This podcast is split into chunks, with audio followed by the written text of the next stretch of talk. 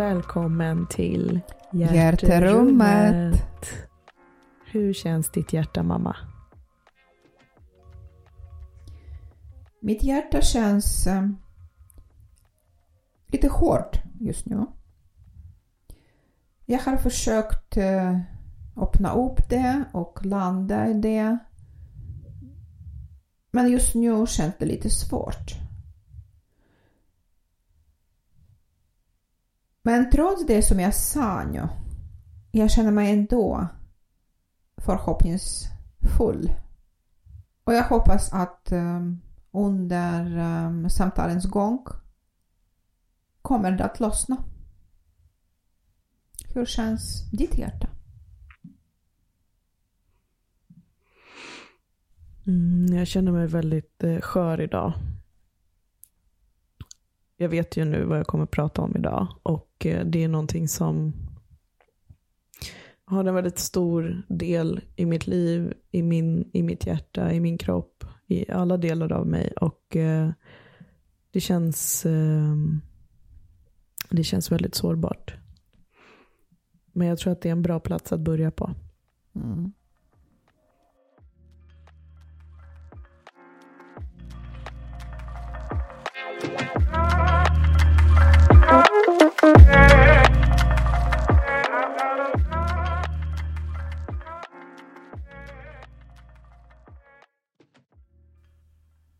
Det är svårt att veta riktigt var jag ska börja någonstans. Mm. Mm, och det här, eh, jag har funderat lite grann om det är någonting som jag vill prata om redan eller om jag vill vänta med att prata om det. Men det här är väldigt aktuellt i mitt liv just nu. Mm. Um, och då känns det som att nu är ögonblicket. Eh, det är lika bra att liksom öppna upp eh, den, den lådan. Eh, min förhoppning är att det här kan vara eh, stöttande på ett eller annat sätt för personer som går igenom någonting liknande. Om inte annat för att det också finns en annan eller några andra där ute mm. som går igenom det som du går igenom. Eller att du kanske känner någon eller står nära någon som går igenom det här. Eh, och att det kan på något sätt hjälpa dig på vägen. Eller så kanske du inte vet så mycket om det här. Mm. Du kanske inte har stött på det här i ditt liv hittills. Så att det kan vara informativt av den anledningen. Mm, och så jag och min man började försöka få barn för nio år sedan. Mm. Och eh, innan vi blev gravida första gången mm. så var det liksom, jag minns så väl att det för mig var någonting som man, bara, man, skulle få, man skulle vara liksom ihop och så skulle man skaffa mm. barn. Det var så nat ett, ett naturlig, mm. en naturlig väg. Mm.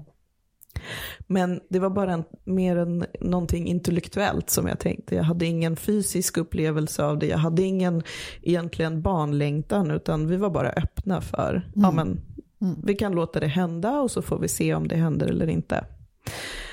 Uh, och när vi väl lät det hända så hände det väldigt fort och jag blev gravid.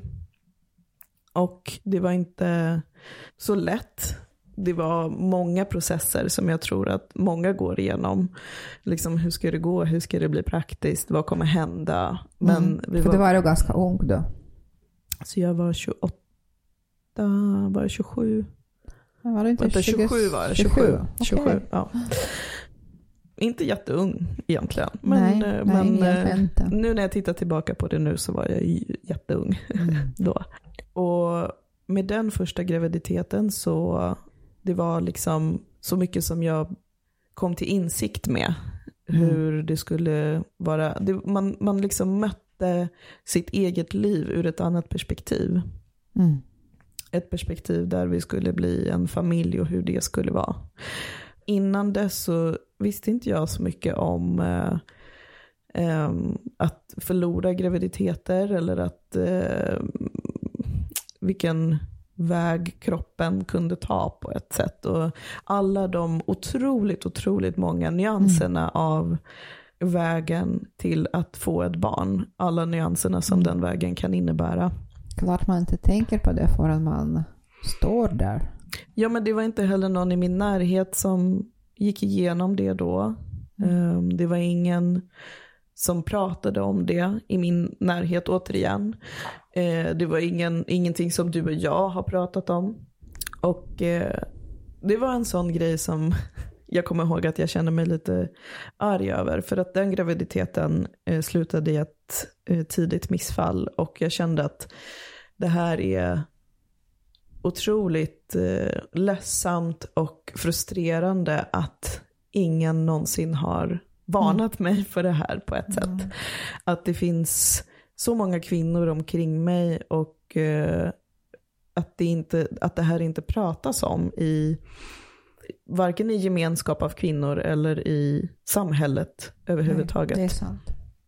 Och jag minns också att vården, det var så, vi, hade, vi fick ett jättefint bemötande av vården eh, när vi skulle bekräfta att eh, det var ett pågående missfall. Eh, men eh, det var också väldigt rutinmässigt. Så att det var Mm. Så många, det var så många tankar som väcktes och murar som föll. Och det var, det var liksom bara en total omvärdering av hela mitt, mm. min syn på livet på något sätt. Det var också då som jag upptäckte att jag verkligen ville ha barn. Mm. För att jag fick uppleva en kontakt och en, eh, liksom en förkroppsligad känsla av en graviditet och en närvaro av någon annan. På är det sätt. så? Har du hunnit uh, uppleva det? Ja, jag hann uppleva det. Mm. det. Jag tror inte det spelar så stor roll. För det var ju ganska tidigt. Det, det spelar ingen roll hur tidigt det är för att det är klart att jag har otroligt stor respekt för eh, graviditeter som inte går som inte får ett positivt utfall där det slutar mycket längre fram. Mm. Det är ju verkligen någonting helt annat. Yeah. Men eh, även en tidig graviditet har för mig varit upplevelse av eh, någonting som på ett sätt går att sätta i ord, men på ett sätt är det bara en känsla av att det här var någonting som var mitt och så är det mm. inte mitt längre på ett sätt. Det där första var, det finns liksom ett liv före och ett liv efter det. För att även om det inte var, blev liksom vår stora mission i livet att skaffa barn. Det, det kom inte förrän senare, mm. långt senare. Men det var ändå en start, skottet på hela, en hel resa som jag nu så här, nio år senare vet fortfarande mm. pågår. Och um, det fick mig att fundera över otroligt många saker och inte minst att jag förstod att jag vill, jag vill verkligen ha barn och jag vill liksom fortsätta mm. på den här resan. Och det var någonting som jag och min man var överens om. Yeah. Men han var, han var väldigt eh, liksom, bekant med tanken. Han visste att han ville ha barn hela tiden när vi träffades. Så han, han har liksom alltid haft den vetskapen. Och jag var lite så här, ja jag vet inte, det, jag kan tänka mig båda två liksom. Mm. Men eh, det, det förändrades också där och då. Och sen gick det något år och eh, vi blev gravida igen och vi fick än en gång ett missfall. Mm. Eh, så gick det något år, vi blev gravida mm. igen, vi fick än en gång ett missfall. Um, och så här höll det på några mm. gånger till. Vi eh, levde vårt liv och eh, gjorde annat och reste och gjorde massa saker som man gör i livet. Uh, och sen så öppnade vi upp för en ny graviditet, blev mm. gravida och förlorade den. Mm. Någon gång på den här vägen ni har uh, skaffat er en hund också? Ja men det var lite senare faktiskt. Var det senare? Ja, lite senare. Eller nej, det var faktiskt efter tre missfall. Mm. Och någonstans på vägen så började ju det här bli lite som, uh, en ondskefull eh, livs, eh, någon slags spratt som livet eh, så försöker dra med en. Eller som den här filmen Groundhog Day, att man bara vaknar varje dag till exakt samma skit som händer. Mm. Och det bara händer om och om och om och om igen. Mm. Eh, och det började liksom kännas som att, men alltså vad är, vad handlar det här om? Och hur man kan ta sig ur detta. Och hur man kan ta sig ur detta, precis. Hur kan vi liksom gå vidare? Och överallt dit vi vände oss var det så här, "Ja, men det är jättebra att ni blir gravida, det här är toppen, bra nyheter, liksom. Det här handlar bara om tid och eh, ja, men det kommer gå bra. Mm. Och det avskyr mest, som jag tror att eh, jag inte kanske är ensam om, att så här, Ja, men bara ni liksom slappnar av och släpper taget så kommer det gå jättebra. Bara ni gör det här och det här Precis, så ja. kommer det bli jättebra. Eh, och det var liksom aldrig någon tröst i de orden överhuvudtaget utan det Mm. kändes ju bara som att så här, men det här stämmer inte. Det är ju någonting jag här kan som inte tänka mig att stämmer. i början det kanske kändes ändå som bra råd. När man har fått sitt första missfall. Man kanske tänker, man just det. Ja, det hände mig en gång, det kanske aldrig kommer att hända mer. Jag ska bara slappna av och då kommer det att gå väggen. Ja, det kanske är någonting som känns tröstande där. Men eh, för oss så, så var inte så fallet. För att vi var inte ett sånt fall, helt enkelt. Och missfall är ju väldigt vanligt. Ehm, när jag har eh, pratat med, för jag har öppnat upp konversationen kring det här väldigt Mm. mycket runt omkring mig. Eller så mycket som jag har orkat. Ibland orkar jag prata om det här mer och jag orkar bjuda in andra till konversationer och jag orkar liksom eh, förarga mig över orättvisorna inom det här också. Men ibland orkar inte jag det. Mm. Ehm, så det, det har kommit och gått. Eh, och jag har även hållit eh, kvinnocirklar kring det här ämnet. Och eh, det har varit väldigt, väldigt, väldigt fint att få eh, ha de, de typer av sammanhang. Mm. Eh, och det jag också har märkt är att andra kvinnor behöver det så himla mycket. Det här är inom det här är otroligt viktigt för oss att få komma ihop och dela eh, de erfarenheterna och Mm. den sorgen och den glädjen. Mm. Du har skrivit också mycket om det i sociala medier. Mm, jag har skrivit mycket om det. Min, eh, min ork för det har kommit och gått lite grann. Mm. det har liksom gått lite i en och samma loop. Att jag blir gravid, jag, vi förlorar det. Ehm, jag kommer in i en bearbetningsfas där jag ska försöka smälta det. Men varje gång som, en bear, som den fasen har tillkommit så är det som att jag bearbetar allt som dittills har hänt på en och samma gång. Och det har, det har lett mig till en massa olika platser. Det har lett mig till platser där jag har varit arg och frustrerad och jätteledsen såklart och haft väldigt mycket sorg. Jag har burit på mycket, mycket sorg i min kropp de senaste åren. Och eh, det har också lett mig till platser där jag har till och med kunnat känna tacksamhet för det som har hänt för att det har öppnat upp eh, platser i mig som jag kanske inte hade kunnat öppnat upp annars. Mm. Och jag fått tillgång till eh, mm, kärlek i mig själv som inte jag hade kunnat få tillgång till annars kanske. Mm. För att sorg är också kärlek som ett, ett uttryck för kärlek. Ja, självklart. Um, så det ena, alltså att känna mycket sorg hjälper en också att känna mycket kärlek och att också insikten om att jag kan hålla väldigt mycket. Mm. Eh, mer än vad jag kanske ursprungligen tror. Efter tre missfall och eh, en lång tid utan att vi kunde bli gravida så sökte vi oss till eh, eh, fertilitetsvård för att påbörja en IVF-behandling. Mm.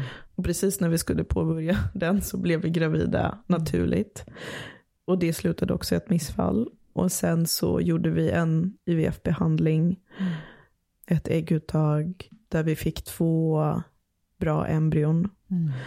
Och eh, vi eh, har gjort insättningar på båda och förlorat båda. Mm. efter det så kände vi att det här är inte en loop vi kan vara i längre. Så du hade Sex stycken sex missfall? sammanlagt. Mm. Blir, man blir ju också äldre och klokare och man får liksom nya infallsvinklar. Så de här nio åren, det har lett oss till en massa olika saker Mm. på grund av den resan. Och det har också självklart varit otroligt tärande för vår relation och Mm. vi har eh, burit på en sorg tillsammans men på olika sätt. Hur eh, har det påverkat er relation tycker du? Stundtals så kan inte jag hantera mer än mig själv. Och det är förståeligt. Mm. Och eh, för att jag genomgår det här emotionellt men också fysiskt. Eh, och väldigt mycket liksom fysiskt har på ett eller annat sätt dröjt sig kvar i min kropp. Och jag har fått liksom bearbeta det lite pö om pö. Eh, så ibland så har det inte varit så lätt för oss att mötas på de olika platserna där vi har befunnit oss. Och min man har varit ett otroligt, otroligt stöd för mig. Mm. Men jag kanske inte har varit ett så stort stöd för honom. Mm. Och det, det är liksom, det ligger som en definitionen av en blöt filt över Mm. allting på något sätt. Att det påverkar allting. Och jag tror en sån här sak, en sån här liksom, för det, det, det barnlöshet enligt Världshälsoorganisationen anses vara en sjukdom. Okej. Eh, vilket Jag är- visste inte det. Jo, och, och det anses vara liksom påfrestande på alla sätt som en sjukdom är. Ja, men till exempel cancer, en cancerdiagnos. Jag vill inte jämföra något med det ena eller det andra, men att eh, det kan vara precis lika påfrestande för Mm. hela ens liv, alla områden av ens liv. Och för ens anhöriga och för eh, ens relation. Och, Mm. ja, men alla, på alla nivåer och på alla plan som man Mm. kan föreställa sig. Mm. Jag tror att det är någonting som gör att man antingen kommer närmare varandra eller tappar bort varandra. Precis. Och vi har väl gjort i min relation kanske båda två vid olika tillfällen. Ibland så möts vi i det och ibland så är det svårt att mötas i det. Men vi har varit okej med att det är lite som det är och att det får komma och gå. Men att vi till slut prioriterar att mötas och prioriterar att hitta en väg tillbaka till varandra. Eh, Så efter eh, de här sex gångerna så bestämde vi oss för att nu vill vi göra någonting annat. Vi kan inte fortsätta så som vi har eh, gjort för att det leder oss helt uppenbart ingenstans. Mm. Och vi sökte oss vidare till ett annat eh, sjukhus här i Sverige. Som vi hoppades kunde hjälpa oss med eh, donation. Eh, inte definierat vilken typ av donation. Eh, men någon, någon typ av förändring i konstellationen av vårt framtida barn. Eh, där vi hoppades att vi kunde få råd och stöd och, Mm. och så vidare. Efter många om och men och många saker som hände så slutade det med att de bara slösade bort typ ett år av vårt liv. Och, eh, landade i att de kan faktiskt inte hjälpa oss för att vi har ju faktiskt ändå ägg och spermier som vi ändå faktiskt blir gravida med och att det inte finns någonting mer att Men göra. var det inte så att de nästan lovade er att ni skulle få donation? Eh, de lovade inte oss det, men eh, de eh, öppnade upp för att det skulle vara en möjlighet. För att sedan ett år senare stänga den dörren. Ja. Det här är tyvärr vår erfarenhet av fertilitetsvården i Sverige att det, här, det är otroligt ehm, eh, styrt. Det finns väldigt snäva ramar. Mm. Eh, Det är väldigt, eh, det är inte så öppn, öppet för nya rön eller Nej. liksom ny forskning. Eh, det är inte så öppet för att eh, göra allt i sin makt. Mm. Och det här är vår erfarenhet. Men Man bara kör efter en viss rutin. man kör efter en viss rutin och den är inte individualiserad på Nej. något vis. Utan det finns i princip typ två olika sätt man gör det på. Och de sätten applicerar man på allt och alla. Oavsett hur det ser ut. Det måste vara otroligt frustrerande.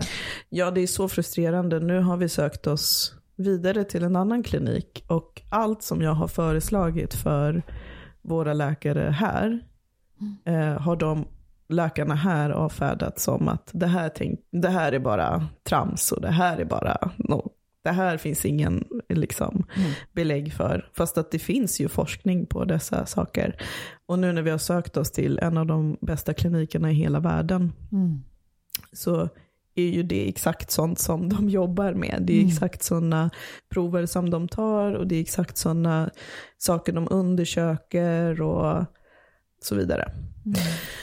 Jag Eh. minns att eh, efter att du har varit eh, hos dem och pratade, både du och eh, din man, då sa du att för första gången på länge det kändes att någon hör dig och bemöter dig på det här sättet som du har hoppats på hela tiden. Mm. Precis, det är ingen, jag har inte upplevt att någon har tagit oss på allvar alls.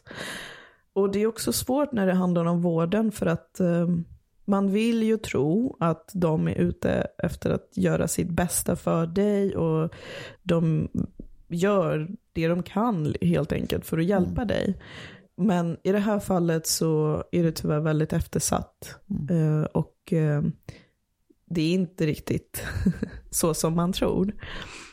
Och det är möjligt, och jag hoppas det verkligen innerligt för eh, kvinnor och par eh, och personer som vill bli gravida där ute, att det ser annorlunda ut för dem Mm. på andra platser. Mm.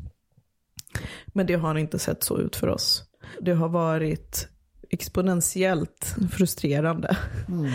eh, med varje gång som, som vi har varit med om en förlust där eh, den förlusten, det inte finns en vilja att finna svar på varför den händer.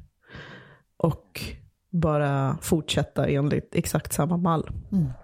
Så vi fick säga att nu får det vara nog. Vi, vi orkar inte mer. Vi gör i princip eh, vad som helst som är nytt. Mm. eh, bara för att inte fortsätta i exakt samma eh, hjulspår. För att de har helt uppenbart inte lett oss någonstans. Men har ni någon slags erbjudande från den svenska sjukvården nu? De Vad vill att vi ska de- fortsätta med IVF eh, på precis samma sätt. Okej. Men saken är den att bara efter några få samtal med den här kliniken utomlands så inser ju vi att att göra det på det svenska sättet skulle ju, Mm. vi vet att det skulle vara lönlöst. För att vi har någon underliggande problematik som gör att vi, det kommer liksom inte lyckas. Mm. Vi vet inte exakt vad den underliggande problematiken är, men vi har några vägar som vi kan ta. Och det är det absolut viktigaste som finns.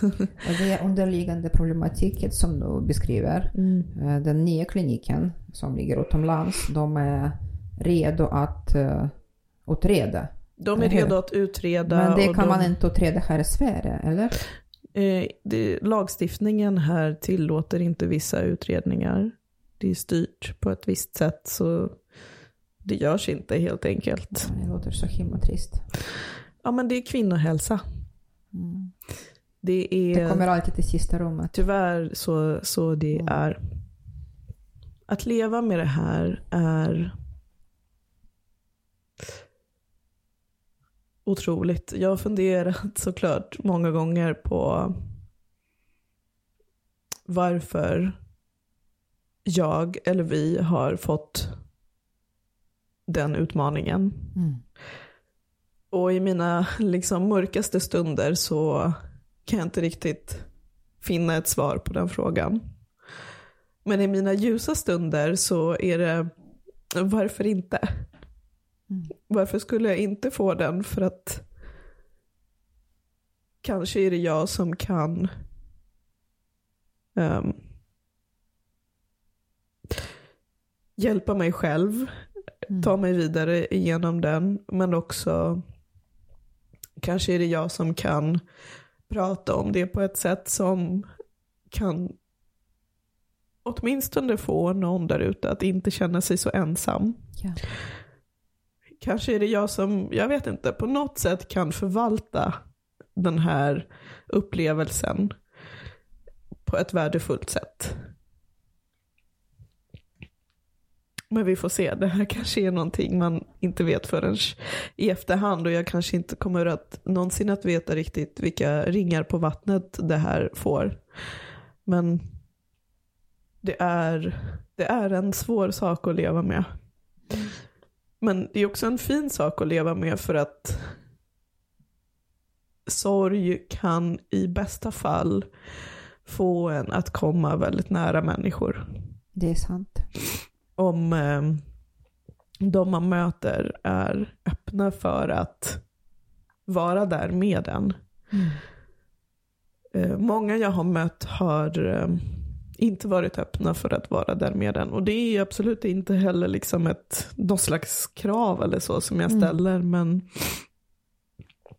jag, det är också anledningen till att jag känner att jag vill prata om det här nu. För att det här händer mig nu. Mm. Och jag vill vara så uppriktig jag kan för att det händer nu, det är aktuellt i detta nu. När mm. skulle vara en bättre tid än nu? Mm när det händer, har hänt mig genom livet, när det har varit mer aktuellt än andra gånger, så har jag pratat om det.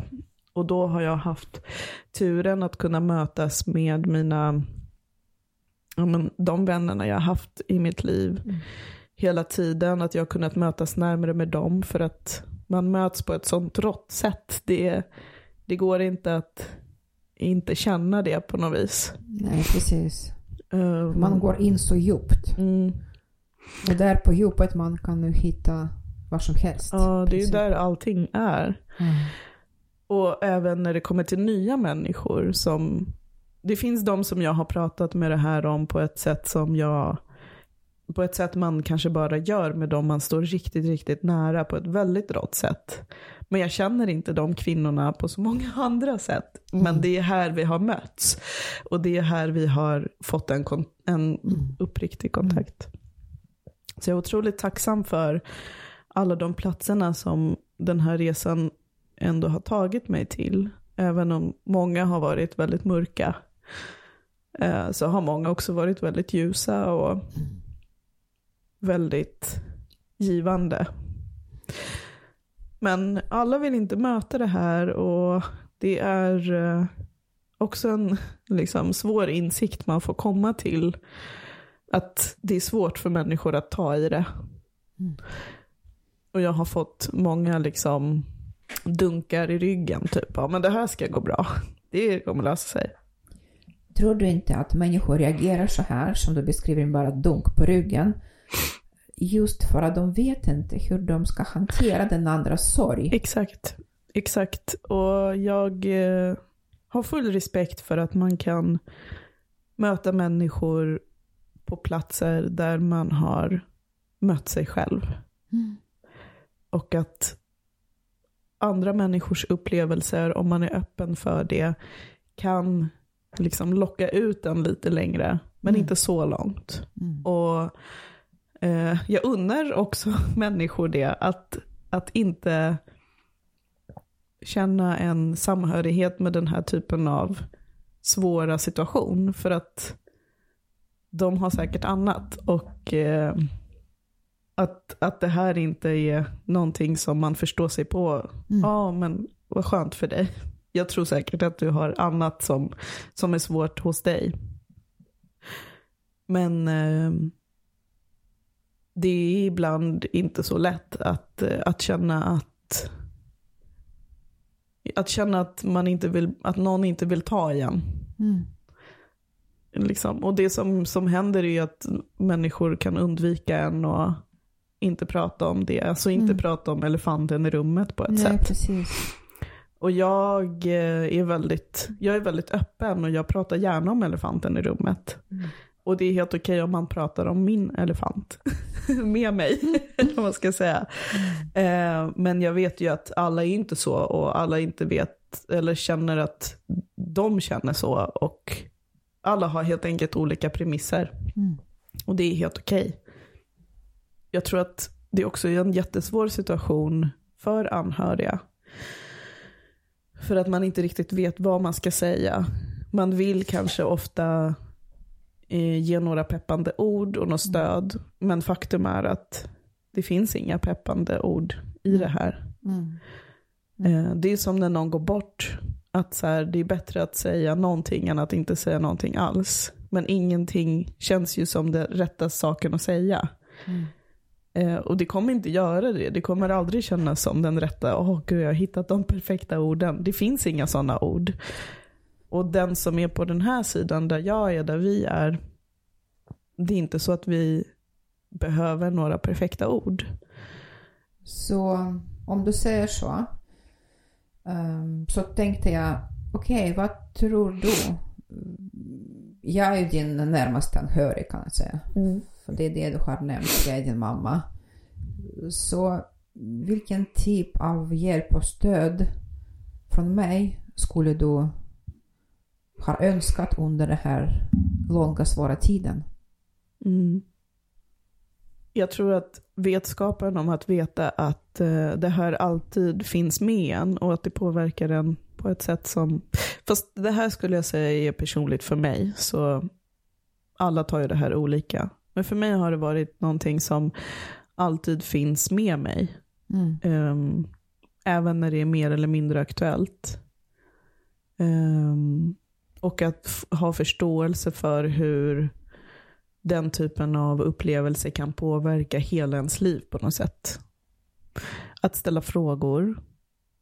Jag vet att du går igenom det här. Eh, jag finns här om du vill prata. Mm. Hur känner du med det här? Du behöver inte svara om du inte vill. Mm. Ehm, att bara inte ställa några krav på att man ska rapportera om saker och Nej. ting. För det kan lätt bli så också, särskilt när man hamnar i den medicinska svängen och IVF och vad det nu kan vara. Att det blir att eh, mm, man behöver liksom informera om väldigt mycket och man kanske inte alltid orkar det. Det kan också vara fint att få veta att människor vill ha information. Mm. Man vill inte heller känna sig påträngande med sin information och ibland kan det vara skönt att få bekräftat att ja, men man vill faktiskt höra det här. Men man är så skör eh, Mm. på grund av den där situationen. Såklart det är lite svår balansgång för mig till exempel att, eh, att både när jag vill veta någonting, när jag vill fråga dig om någonting, när jag Mm. vill stödja dig. eh, ibland så vet jag inte vad är det bästa sättet. Mm. Och det är precis som du säger, å ena sidan du vill gärna att folk undrar hur det har gått till, att folk frågar och visar på alla sätt att de vill ha informationen. Mm. Men å andra sidan, då kanske inte alltid du är redo att ge den här informationen. Så är det. Och det är väl då också jättefint om man kan tänka att om, om en sån person inte är redo, att det inte är personligt. Mm. Jag har uppskattat jättemycket att få veta att någon vill veta. Mm. Men jag kanske inte orkar ge den informationen. Mm. Men jag vet att den personen vill veta. Mm. Jag har en vän som är väldigt, väldigt noga med, för hon vet exakt hur det här är. Och hon är väldigt noga med att, ja, men jag tänker på dig, jag undrar hur det har gått, men du behöver inte svara. Mm.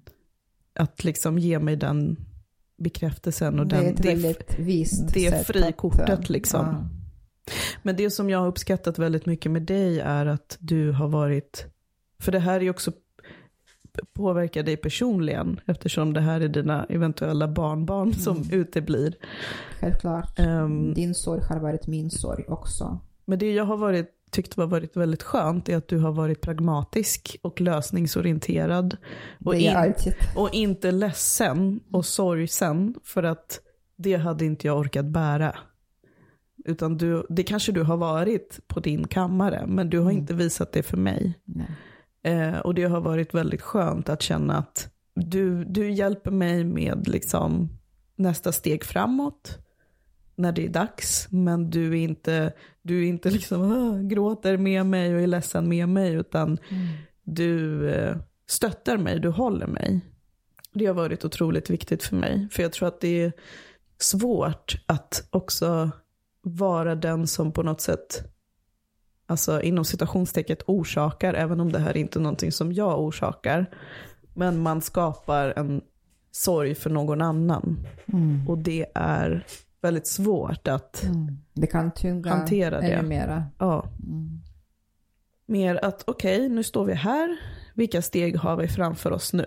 Och så går man från steg A till steg B till steg C Mm. och så här lite i taget. Så vad är det som kommer att hända härnäst? Eh, härnäst kommer vi att eh, påbörja en IVF-behandling utomlands. Eh, vi kommer att eh, få resa bort Mm. under flera tillfällen för att eh, dels göra en stimulering men också göra en hel del undersökningar som kan hjälpa oss vidare för Mm. att förstå vad är det som har orsakat att vi inte lyckas bära en graviditet helt och hållet. Och vi vet inte vad orsaken är. Vi vet inte om det handlar om mina ägg, om det handlar om spermierna, om Mm. det handlar om kompatibiliteten. Mm. För vi har, även om vi har bett och bett och bett, så har vi inte fått göra några större undersökningar i Sverige. Jag har gjort några privat.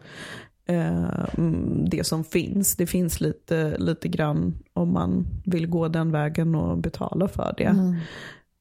Vi har inte fått göra det på något annat sätt. Så det är inte bara jobbigt känslomässigt, det är ju dyrt också. Det här kommer att vara eh, en stor utmaning Mm. på alla plan, inte minst ekonomiskt. Men det kommer att förhoppningsvis vara helt värt det i slutändan. Gud vad vi hoppas på det verkligen. Mm. Ja, om, om du sitter där och lyssnar på det här och går igenom det här eller har gått igenom det eller känner någon som gör det så finns det många där ute som Mm. gör samma sak och vi kämpar på. Och ibland bryter vi ihop. Och ibland orkar man mer, ibland orkar man mindre. Eh, men eh, vi följer vägen framåt. Mm. Så även om det många gånger har känts otroligt, otroligt hopplöst. Och jag tror hopplöshet faktiskt har varit den värsta känslan jag har känt under det här. För att det är på något sätt Hur känns det nu? ett tomrum. Och nu känns det hoppfullt för att vi har steg framåt. Mm. Och jag tror att det är så nästan instinktivt i människan att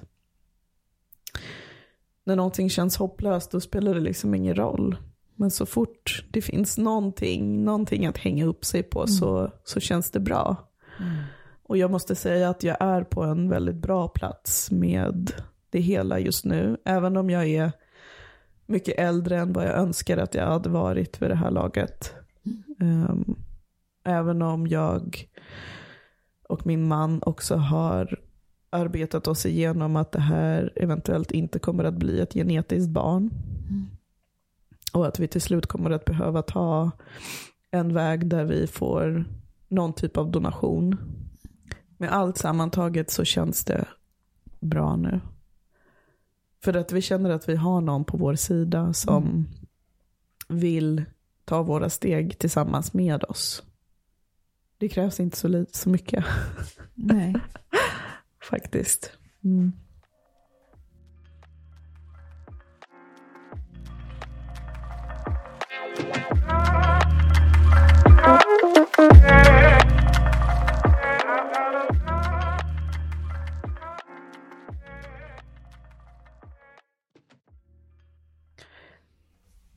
Under perioder när jag har haft det svårast och känt att det, det är liksom svårt att, att vara en fungerande individ Mm.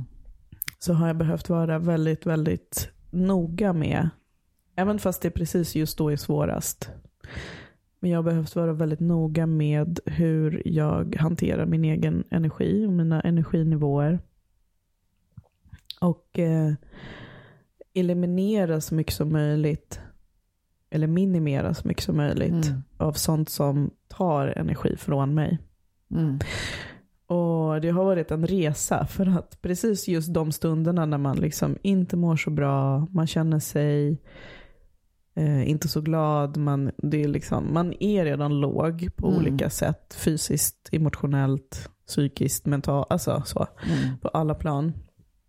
Det, då är det ju väldigt svårt att också typ inte trycka munnen full med godis och typ titta på serier i sträck. Men det är precis just då som jag också har behövt vara så, så, så mycket mer noga med vad jag gör och inte gör. Hur du huserar med din energi helt enkelt. Ja, precis. Med det lilla som du har. Med det lilla som jag har. Och jag har lärt mig det, det svår, den, svåra vägen. Att jag har liksom slösat bort det lilla jag har haft eh, Mm. på sånt som i slutändan inte har gett mig någonting tillbaka. Mm. Vilket har bara lett mig till en ännu sämre plats i slutändan. Mm. Att liksom husera med sin energi är ju viktigt då, men det är ju viktigt alltid. Oavsett vilken plats man befinner sig på. Om det är en mer utmanande plats eller en mindre utmanande Mm. plats. Mm. Så är det ju otroligt, otroligt viktigt att eh, dels förstå sig på sig själv. Var försvinner min energi? Vad Mm. ger mig energi? Mm. Vad ger mig absolut inte energi? Eh, men också att justera sitt liv därefter. Precis. Jag kan ju bara dela lite om vad som har varit jätteviktigt för mig. Och det är Mm. inga supergrejer. Det här. Jag kommer inte säga någonting nytt här förmodligen. Mm. Men Men små, små enkla grejer har gjort enorm skillnad för mig. Många bäckar små. Många bäckar små. Mm. Gå och lägga mig tidigt och Mm. vakna tidigt. Mm. Jag vaknar nu minst i alla fall fem av sju månader kvart över sex. Ja, det är ju fantastiskt. Och jag lägger mig, ja, jag vill lägga mig vid nio, men jag lägger mig inte alltid vid nio. Men Mm. ungefär vid eh, någonstans mellan nio och tio. Mm. Mm. Det har gjort så stor skillnad för mig. Och nu är det ju vinter och det är ganska svårt att gå upp så där tidigt. Eh, Jag, tycker, jag har alltid tyckt att det är svårare, men när jag kommer över den guppen så gör det en enorm energiskillnad för hela min, min dag. Tror du att det kommer att hålla det när det kommer våren och sommaren? Absolut, det är ju lite lättare då till och med, för att då är det ju, Ja, det är det är svårare att lägga sig. Precis. Men det är lättare att gå upp. Mm. Men svårare att lägga sig. Men det löser man med en rullgardin, Okej. en mörkläggningsgardin. Det är utmärkt verktyg. Ja, det hjälper mig riktigt mycket. Eller såna här, en ögonmask. Men jag tycker inte det är så bekvämt. Den så det, skaver ganska mycket. ja, jag vet inte. Jag har en som är så jättebra tempur. Men Mm. eh, det är ju fortfarande någonting man har över Jag ögonen. har så det är provat bara alla störigt. möjliga ögonmasker, de funkar inte på mig. Det är bara rullgardinen, den Mm. gamla hederliga rullgardin som funkar. Den hjälper ju verkligen jättebra. Sen eh, såklart liksom eh, alla så här, ja men äta bra, äta ordentligt med protein, sådana saker. Ja men det behöver vi inte gå in på. Det är Mm, ju ja, precis, röra sig, vara röra ute sig. i ljuset. Det Alltså det är liksom, ja, där får man hitta sin, sin egen balans på något sätt. För mig har det varit jätteviktigt att ha det rent och ordnat hemma. Alltså så här, rent och ordnat i den där hemska kökslådan till Mm. exempel. Där man har gud vet vad och eh, hela, alla kvittorna och alla, Mm. eh, alltså vi har haft en sån låda. Oj, oj, oj. Att Man- organisera där. Att organisera utanför sig själv. För att Mm. organisera inuti sig själv. Mm. Och jag vet att för många så kan det här vara en tvärtom-grej. Att man behöver tvärtom skapa lite oordning runt omkring sig. För att det kan vara ett kontrollbeteende att man tvärtom städar runt omkring sig för mycket. För att ordna det som är svårt. Och då Mm. kanske man tvärtom behöver typ släppa lite saker och låta det vara, i- vara bara. Och självklart att vilka människor jag omringar mig med. Mm. Eh, och omringa mig med, ibland är det ju frivilligt, ibland är det ofrivilligt. Mm. Eh, till exempel om man bara går ut på stan och helt plötsligt är man omringad av ett kaos. Mm. Då kanske man behöver några skyddsverktyg för att inte liksom bli helt ivägdragen av, Och vilket uh, skyddsverktyg använder du då? ja men jag använder ägget. Okej. Jag sätter mig själv i ett ägg. Eh, Vill du berätta lite mer om det? ja. Vad är det för ägg du pratar om? Nej men det är som en, ehm, jag skapar som ett osynligt skydd runt omkring mig åt alla håll. Som ett ägg, ett jättestort Mm.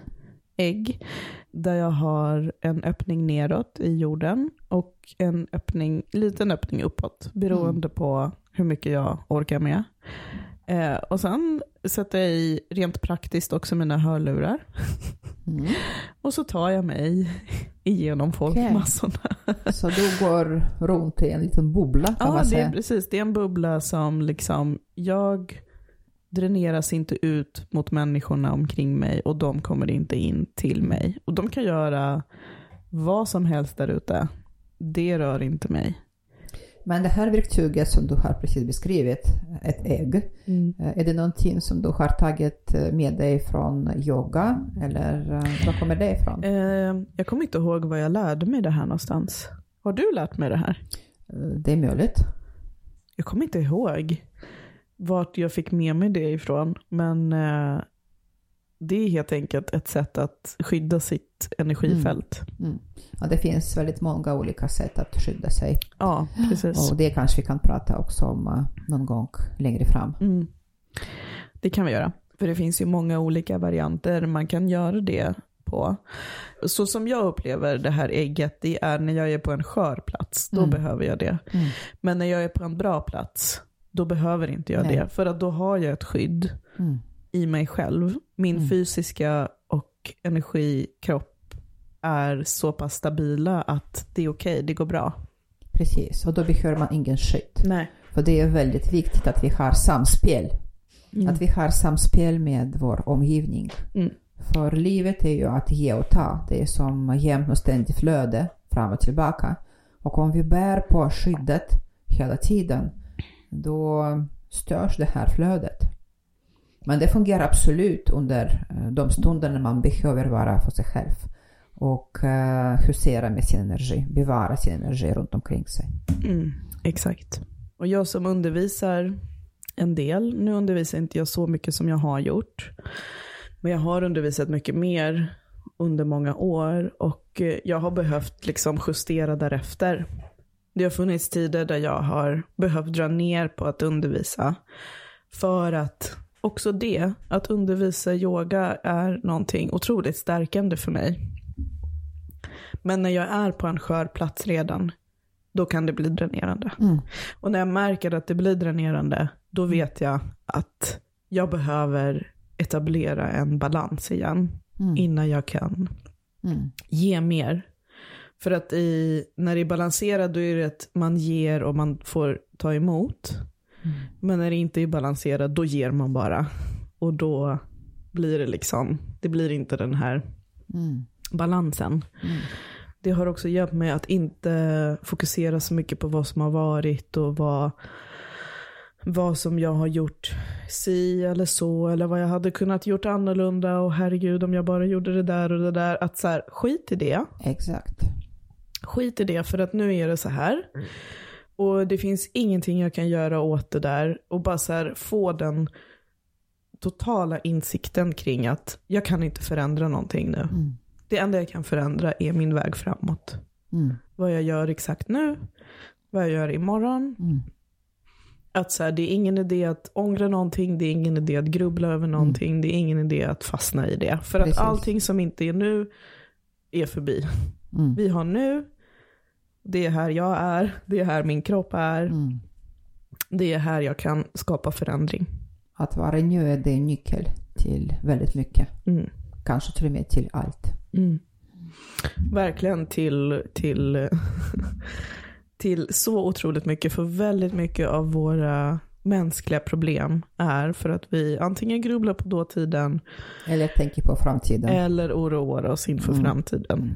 Men inget utav det är här och nu. Men även eh, om vi tänker positiva tankar om eh, vår förflutna eller om framtid, det är också dränerande. Mm.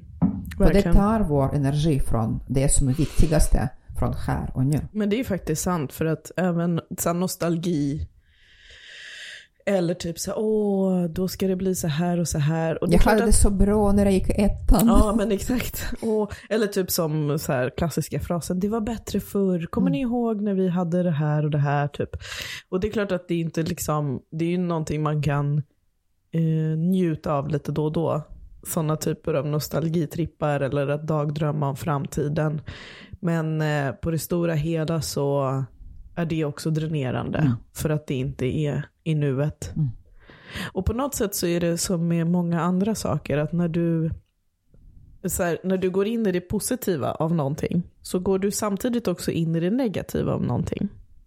Förstår du hur jag tänker? Inte riktigt. Kan du förklara mera? Ja, men jag har ett exempel som kanske inte är så bra exempel, men jag nämnde nu att jag är lärare. Så om någon skulle gå fram till mig och bara så här, Gud, du är så bra, du är en så bra lärare, wow, wow, wow. Om jag tar åt mig av det jättemycket, då kommer jag också ta åt mig när någon säger till mig, åh gud det där sög, det här var ju hemskt. Ja, Liksom. men det här är sant. Mm. Men inget av det egentligen berättar, talar om vem jag är, Mm. eller vad jag gör, eller vad som egentligen hände. Mm. Både det positiva och det negativa är någonting som är bortom min kontroll, utanför mig själv. Ha, jag har inget med det att göra egentligen. Mm. Och det är det jag menar att så här, båda två kan vara två sidor av ett och samma mynt Mm. egentligen. Mm. Och det kanske man inte tänker på. Nej, men det är sant. Absolut. För det är egentligen bara vi som sätter Mm. eh, stämpeln på att ah, det här är bra och det här är dåligt. Men egentligen allt bara är Mm. någonting. Det är bara våra inre projektioner. Ja, precis. Nu är det dags för veckans hjärta och veckans smärta.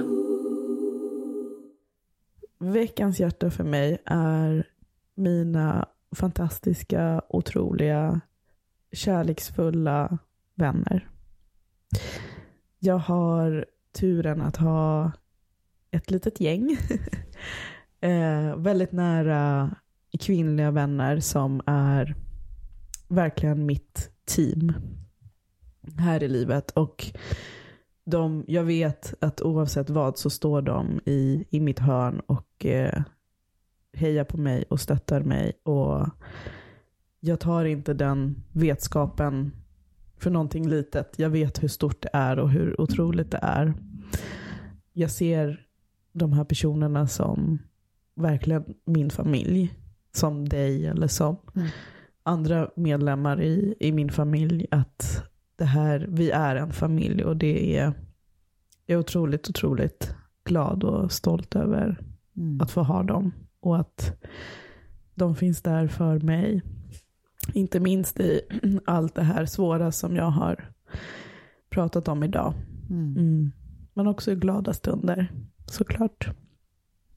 Veckans smärta för mig är både hjärta och smärta på en och samma gång faktiskt. För att det händer jättemycket just nu eh, för mig, för mig och min man rent praktiskt. Det är väldigt många saker som är uppe i luften. Och det är smärtan. Det är smärtdelen, att väldigt mycket är Mm. uppe i luften. Och det känns liksom lite så svindlande och jobbigt ibland att så här, gud det är så mycket som, liksom, hur ska det bli med allt det här? Det är så mycket som måste falla på plats och det är bortom vår kontroll. Mm. Men hjärtat i det är att det känns faktiskt helt okej. att det känns som att vi bara lever på här och bara la la la, det går bra det här. Ni har hittat er själva i kaoset. Ja men precis. Eh, och jag nämnde ju förra veckan om fönsterrenoveringen och jag noterade det den här veckan när jag sitter i mitt kök och försöker jobba. Och det borras på ett ställe och du vet ytterdörren är som en svängdörr. De här bygggubbarna bara kommer och går och liksom de bryr sig inte om någonting och de bara du vet så här, pratar i telefon och gör vad som helst. Mm. Och där sitter jag och bara ja det är okej. Mm. här är jag. Mm. Det går bra. Det är starkt. Starkt jobbat. Det är också svinkallt samtidigt, men det går bra. um, ja, så det är liksom både och i, i en och samma paket. Mm. Jag tänkte berätta någonting helt annat idag vad gäller eh, veckans hjärta. Men efter att jag har hört eh, ditt hjärta som eh, gick till dina vänner den här veckan så vill jag ansluta mig till det och säga att eh, veckans hjärta för mig går också till dina vänner. Jag är väldigt, väldigt glad och eh, väldigt stolt över dig som har sådana fantastiska vänner som du har. Jag älskar dina vänner. Jag skulle gärna kunna bli, jag skulle lätt kunna bli vän med dem också. För, eh, Du är ja, alltid välkommen. Tack. För dina tjejer är otroliga. De är otroliga varenda en och jag älskar verkligen varenda en. Och eh, det här som du säger att dina vänner är din familj. Det sa du eh, tidigare också. Det har du sagt under ganska lång tid. Och jag minns att när du var, eh, hur var det, du var kanske var 20, 21, 22. Och då sa du flera gånger att dina vänner är din familj. Och då kändes det nästan sorgligt Mm. hos mig. För jag kände svartsjuka till Mm. dina vänner. Jag tänkte, hur kan du säga så om vännerna istället för att säga åh mamma, det är du som är min familj. Och det är det som jag på något sätt längtade efter väldigt mycket. Och som sagt, det kändes sorgligt. Men det här glädjen för att du har din team, din gäng, den fanns alltid med. Mm. Men på den tiden den- var lite blandat med ja, det här lite små bittra, Mm, små sorgliga. Eh, Jag är väldigt glad att jag har kommit från det Mm. och jag tror att jag har kommit från det helt och hållet. Och eh, jag har kvar bara glädje, stolthet och tacksamhet.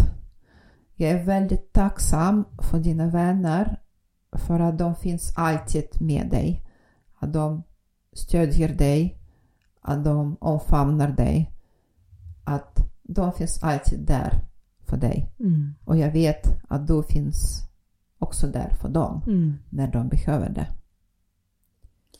Veckans smärta är nog att eh, den här veckan kändes eh, allmänt jobbig. Det var väldigt mycket som har hänt. Det var mycket på jobbet. Det var mycket med mina studier. Och allt kändes bara rörigt och stressigt. Mm. Och ehm, jag hoppas att uh, med att jag bara säger det så löses upp det här smärta och förvandlas till någonting som är positivt. Förvandlas till något bra som eh, kommer ut det röriga och det stressiga. Mm. Du får tänka på mig när jag sitter i köket och alla kommer och går. Mm. Det upplevde jag faktiskt för ett par år sedan. Ja, så jag vet just det. precis hur det är. Jag vet precis hur det känns. Åh herregud, renoveringar är ju Renoveringar. är väldigt spännande. Och de på något sätt går alltid hand i hand med förändringar i livet. Ja. Också de speglar våra liv. Exakt. I alla fall så var det i mitt liv och så är det ju i ditt Ja, liv. men det är så jag tänker, typ så här, nu målar de om mitt liv. Ja. Nu slipar de bort mitt liv. Nu rensar de upp mitt liv här. Jättebra. Ja, så då Nu blir kommer snart, de och går in i mitt liv.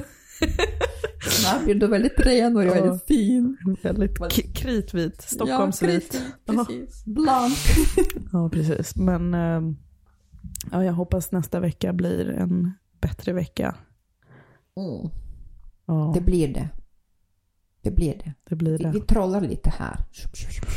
Och så blir den jättebra. Okej. Tack för att du har lyssnat. Tack att du har varit med oss. Och vi hörs nästa vecka igen. Hej då!